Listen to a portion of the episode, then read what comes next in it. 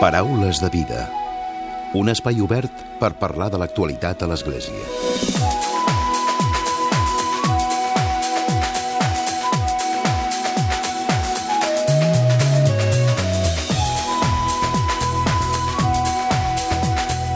Què tal? Salutacions i molt bon dia, molt bon diumenge. Avui és diumenge de Rams, comença la Setmana Santa i des de Montserrat ens conviden a viure aquests dies, a descobrir la vida monàstica amb la comunitat benedictina. L'objectiu d'aquesta convivència amb els monjos de Montserrat, que ha tingut de fet molt bona acceptació en les edicions anteriors, és viure una experiència de recerca espiritual tenint present la tradició monàstica occidental i comprovar el que pot comportar actualment. Els participants, que han de tenir una edat compresa entre els 18 i els 35 anys, seran a Montserrat des del dijous, el dijous sant, fins al diumenge de Pasqua al migdia. Durant aquests quatre dies podran viure amb la comunitat benedictina de Montserrat pregant i compartint els àpats amb els monjos. També participaran en diversos espais de reflexió sobre les celebracions de la Setmana Santa des d'una perspectiva monàstica, centrant-se en aspectes com ara la pregària litúrgica. En parlem avui, ho fem amb el pare Josep Miquel Bauset, ell és mestre de novicis de Montserrat i també organitzador d'aquest taller monàstic. De seguida el saludem.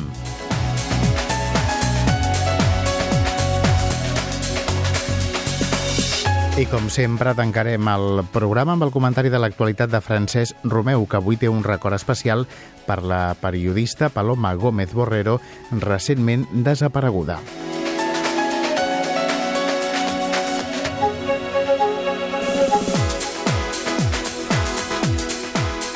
I saludem, donem la benvinguda al pare Josep Miquel Bauset. Molt bon dia. Bon dia. Suposo que ja ho tenen tot a punt. Avui estem a diumenge de Rams, de fet comença la Setmana Santa i d'aquí a uns quants dies, dijous sant, arribaran els participants d'aquest taller monàstic. Sí, ja ho tenim tot preparat perquè de dijous sant a diumenge de Pasqua aquí a Montserrat eh, oferim un espai de trobada per a aquells nois, per a aquells joves que que pensen que, que poden tenir una inquietud monàstica o, com a mínim, un desig de conèixer la vida monàstica. Uh -huh. Parlem de com s'ha preparat. Quin és el, el plantejament de, del taller monàstic? Eh, ja ho hem fet altres vegades i sempre ha donat un bon resultat. Eh, es tracta d'oferir un espai, com dic, que és Montserrat, en eh, contacte amb els monjos a través de la pregària, a través dels àpats i a través de reflexions per tal de eh, mostrar allò que moltes vegades no, no és conegut.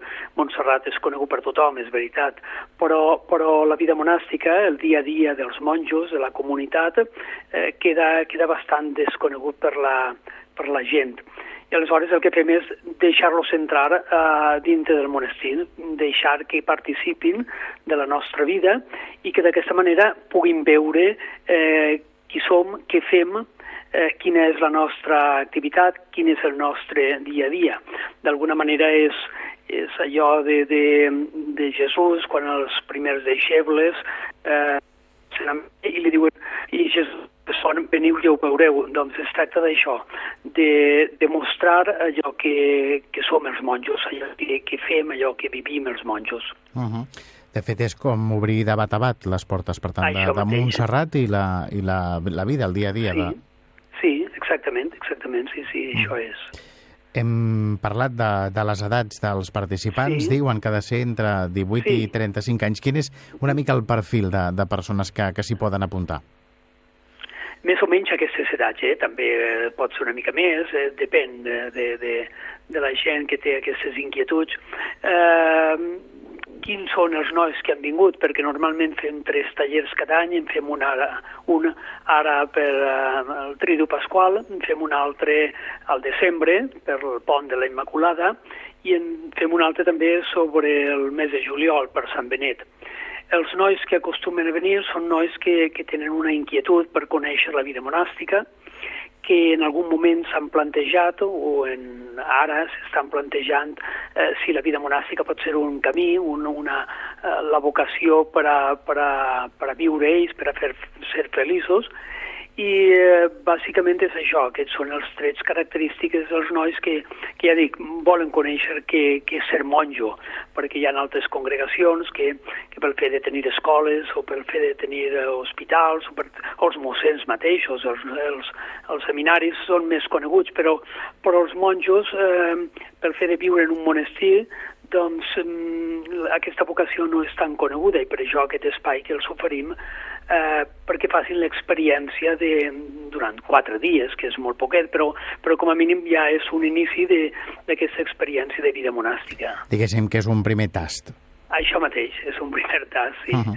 sí, sí. Ara parlàvem de, de que els participants el que fan és conèixer el dia a dia, les, sí. com, com es viu un dia, tot un dia a Montserrat. No sé si pel fet de ser la Setmana Santa sí. varia molt l'activitat de, dels monjos de la comunitat benedictina durant aquells dies o més o menys continua sent similar, excepte o tret dels actes litúrgics propis de la Setmana Santa? No, aquests dies, precisament, com que celebrem el Tridu Pasqual, eh, la vida del monestir gira més o gira totalment al voltant de, de la pregària, del silenci, de la reflexió. Eh, són dies que no hi ha treball, són dies que tampoc no hi ha visites al monestir, llevat d'aquests casos d'aquests nois que, que venen a fer aquesta experiència, i són dies mm, de, de, de més pregària, sí, per tal de, de com a mínim mostrar a aquests nois que venen que un monestir pot ser un espai de comunió, un espai de diàleg, un espai de, de fraternitat per fer aquesta experiència de Déu. Un espai també de trobament, de trobament amb Déu, evidentment, però també de trobament amb un mateix i de trobament amb els altres, pel fet que, que el monestir és un lloc on, on vivim monjos, eh, és, un, és una comunitat monàstica, és una comunitat cenobítica i, per tant, el trobament amb l'altre a través d'aquesta experiència d'aquests dies. Uh -huh. I, a més a més, amb un intercanvi d'experiències i de reflexions, perquè crec que després després també es comenten, un cop sí. es viu l'experiència, sí. es fa com una mena d'intercanvi d'impressions. Hi ha una primera presentació, després hi ha algunes alguns eh, xerrades, diguem-ho així, de reflexió sobre el misteri pasqual que celebrem aquests dies i d'una manera particular sobre la vida dels monjos, eh, centrada en, en la Pasqua. Sant Benet, quan escriu la regla, eh, presenta la regla i presenta el monjo com un home de Pasqua, com un home que, que, que viu l'experiència de Déu des del misteri pasqual. I després hi ha alguns petits tallers, contacte personal entre ells, amb nosaltres, amb el grup de monjos que estem preparant eh, aquest taller, per tal de que aquesta reflexió pugui ser compartida, ja dic, bé amb un altre monjo, bé entre ells mateixos. Uh -huh per les experiències, ho dèiem a la portada i també ho comentava vostè per a Josep Miquel, per l'experiència d'altres anys, eh, el balanç que, que en fan és molt positiu. Parli'ns una mica de, de com han anat progressant aquests tallers monàstics des que es van posar en marxa fins a, fins a dia d'avui, amb el nombre de participants i, i una mica quines són les, les impressions o el feedback que reben de, dels participants. Sí, eh, el, nombre de participants varia molt, varia molt perquè eh, depèn, és clar, de, de, del temps disponible que tenen els joves, de si tenen exàmens, de si, de si han programat algun viatge i han, i han vist eh, el taller doncs, una mica tard. I, bé, han variat des de 7, 8, 10 persones fins a 2, 3, mm, ja dic, varia molt. Però el més important és el fet de que mm, quan marxen eh, com a mínim hem conegut què és la vida monàstica. Com a mínim hem fet una experiència de, de pregària, mm, tan important en la vida dels monjos, del silenci també, de, de la presència de Déu a través de, de, de la natura, a través del contacte personal, i això fa que mm, la majoria dels nois que, que, que han fet el taller monàstic, quan marxen, doncs mm, s'emporten una, una impressió positiva.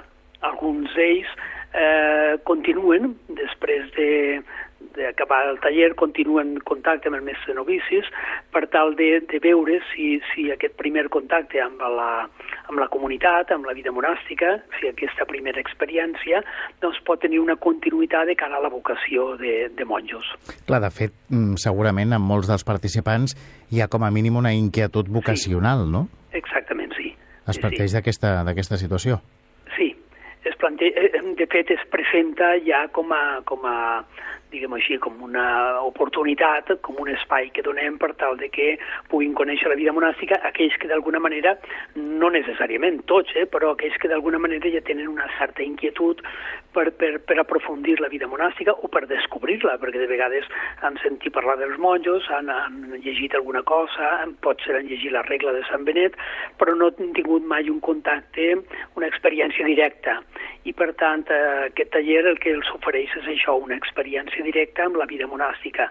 Eh, no, no és teoria, sinó que és, és, és la pràctica, és, és el viure amb nosaltres eh, aquests dies.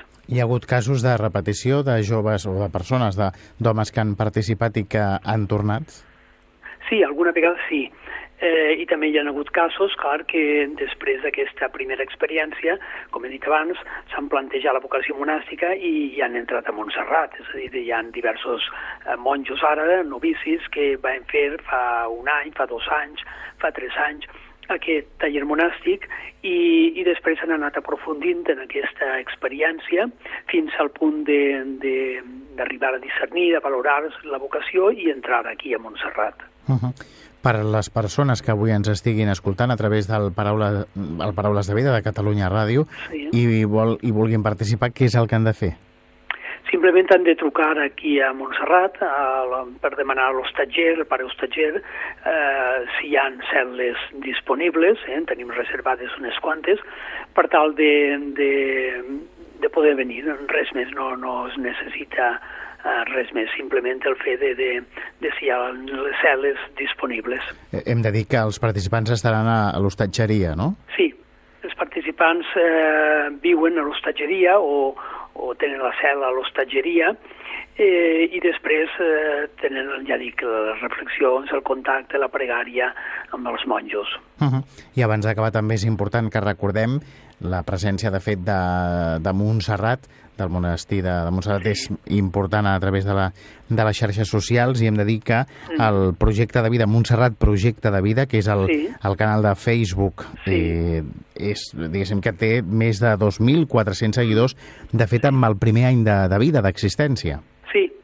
Fet, van començar fa un any, una mica més, el febrer de l'any passat o el març de l'any passat, i, i sí que hi ha molta gent que, que segueix aquest, aquest canal, aquesta, aquesta porta d'entrada, perquè de fet és això, una porta d'entrada a Montserrat, gràcies a les noves tecnologies, per, per, per participar o per compartir millor eh, l'experiència monàstica a través d'unes frases, d'unes eh, fotografies, de, de, ja dic, una porta perquè des de, des de qualsevol racó del món puguin entrar a Montserrat i, i descobrir què és la vida monàstica. Uh -huh. Doncs avui hem parlat d'aquest taller monàstic que es farà la propera setmana, coincidint amb els dies de Setmana Santa, des de dijous sant i fins a diumenge de, de Pasqua. Ho hem fet amb el pare Josep Miquel Bauset, que és mestre de novicis de Montserrat i organitzador d'aquest taller. Pare Josep Miquel, gràcies avui per haver-nos acompanyat. Moltes gràcies a vosaltres per l'interès que teniu i bona Pasqua. Bona Pasqua. Paraules de vida. I tot seguit arriba el comentari de l'actualitat de Francesc. Romeu Francesc, molt bon dia. A tothom i ja ens podem desitjar molt bona Setmana Santa, atès que amb la festa d'avui, del diumenge de Rams, ja obrim les portes de la Setmana Santa. Us desitgem que puguin ser uns dies de descans o de vacances per molts, però també uns dies de recolliment i de pregària en les comunitats cristianes. Avui, a les portes ja de la Pasqua, voldria recordar una companya nostra que fa 15 dies que ens va deixar, justament per fer camí cap a la seva Pasqua definitiva en Déu Pare. Em refereixo a la veterana periodista Paloma Gómez Borrero, que va morir el passat divendres 24 de març.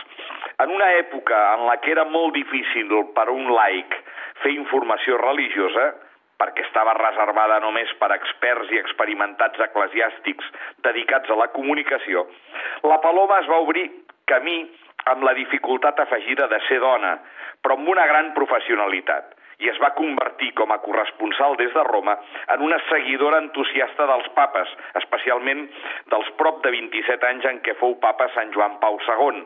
La seva passió periodística fins i tot la portava a trencar una de les normes del periodisme que recomana de mantenir una distància prudencial amb l'objecte o amb el personatge de la informació.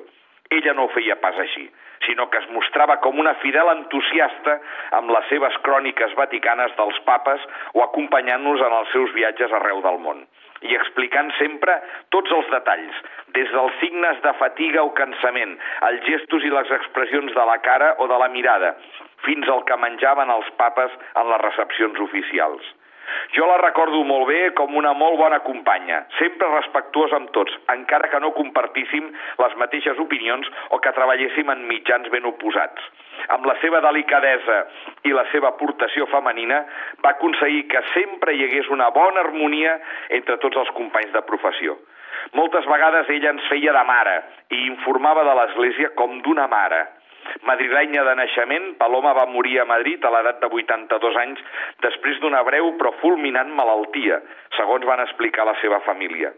Recordem que la periodista Gómez Borrero va desenvolupar gran part de l'activitat professional com a periodista a Itàlia i més concretament al Vaticà, va ser la primera corresponsal dona de la televisió espanyola i se la recorda sobretot pels 12 anys en què va cobrir la informació del Vaticà, entre el 1971 i el 1983.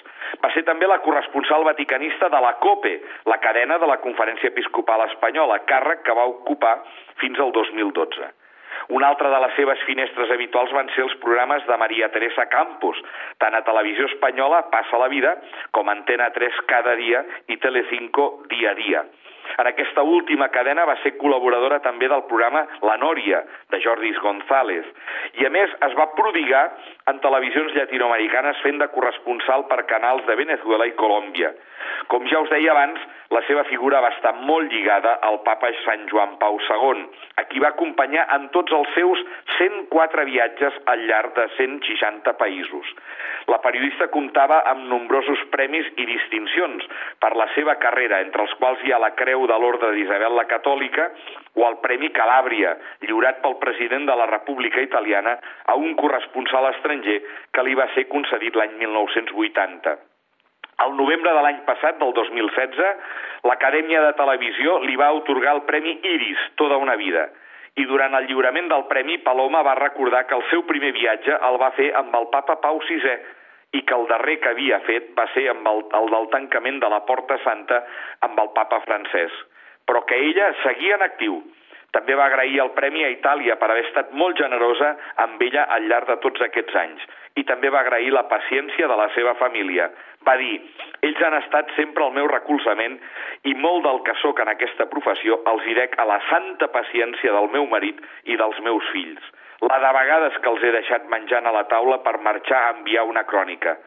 Paloma s'havia casat amb un italià, Alberto de Marchis, un pilot de la companyia a l'Itàlia, amb el que havien tingut tres fills i un pis a Roma. Molt bon diumenge de Rams a tothom.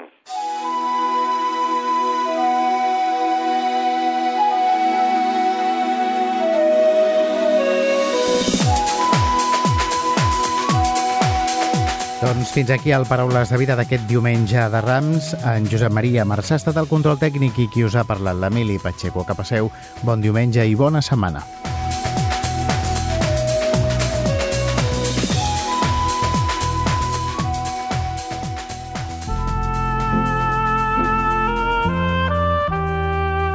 Us oferim la carta dominical de l'arcabisbe de Barcelona, Joan Josep Omella.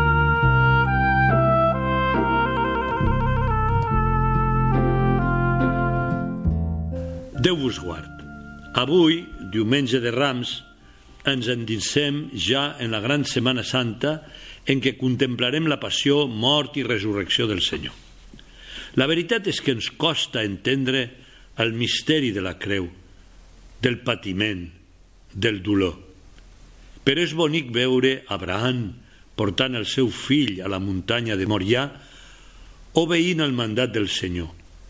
I ho fa per amor a Déu, i estimant entranyablement el seu fill. Crist clavat a la creu és també misteri d'amor. Ell ens ha estimat fins a la bogeria de la creu. Morint, ens ha donat la mateixa vida de Déu. Ressuscitant, ens ha fet ressuscitar amb ell i pujant al cel ens ha preparat un lloc al costat seu i de tots els sants. Es pot oferir més? És impressionant l'amor de Déu per nosaltres, els éssers humans. La veritat és que només amb les nostres forces mai arribarem a comprendre en la seva plenitud el misteri d'amor de Déu per tots i cadascun de nosaltres.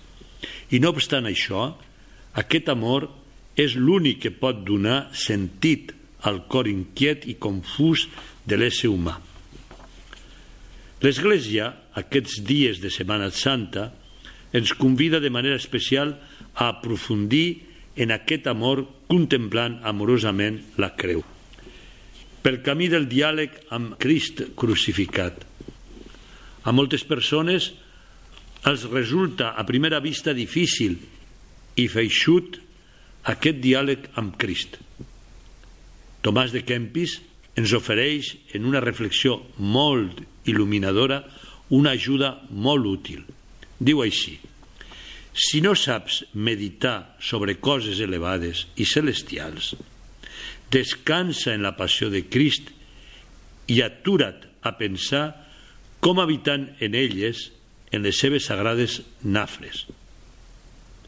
Perquè si et refugies devotament en aquestes cicatrius i nafres precioses de Jesús, sentiràs gran fortalesa en l'aflicció.